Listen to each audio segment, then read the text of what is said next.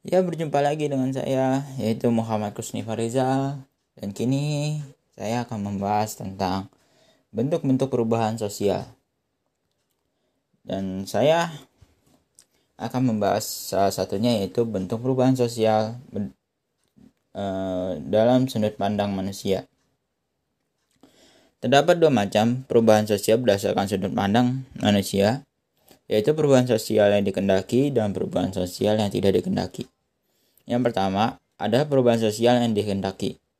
Perubahan sosial yang dikendaki merupakan bentuk perubahan sosial yang sudah diperkirakan atau yang telah direncanakan terlebih dahulu oleh pihak-pihak yang hendak mengadakan perubahan di dalam masyarakat dengan tujuan untuk kepentingan umum dan publik.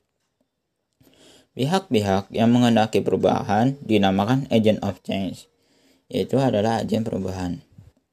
Contoh dari perubahan sosial yang dikehendaki yaitu pembuatan saluran air yang direncanakan untuk mengaliri air dengan baik agar mengurangi potensi bencana banjir. Kedua, yaitu perubahan sosial yang tidak dikendaki.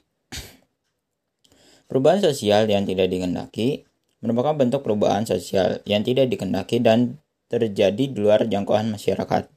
Karena sifatnya yang tidak dikendaki, maka jenis perubahan sosial ini umumnya hanya menimbulkan masalah bagi masyarakat. Konsep perubahan yang dikendaki dan tidak dikendaki tidak menjaga pengertian apakah perubahan perubahan tadi diharapkan atau tidak diharapkan oleh masyarakat.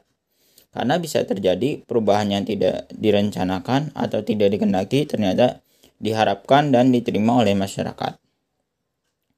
Contoh perubahan sosial yang tidak dikendaki yaitu adalah pembuatan saluran air yang direncanakan untuk mengurangi potensi banjir namun menjadi pemicu banjir karena banyaknya sampah-sampah di saluran air yang menyebabkan air menjadi tersumbat.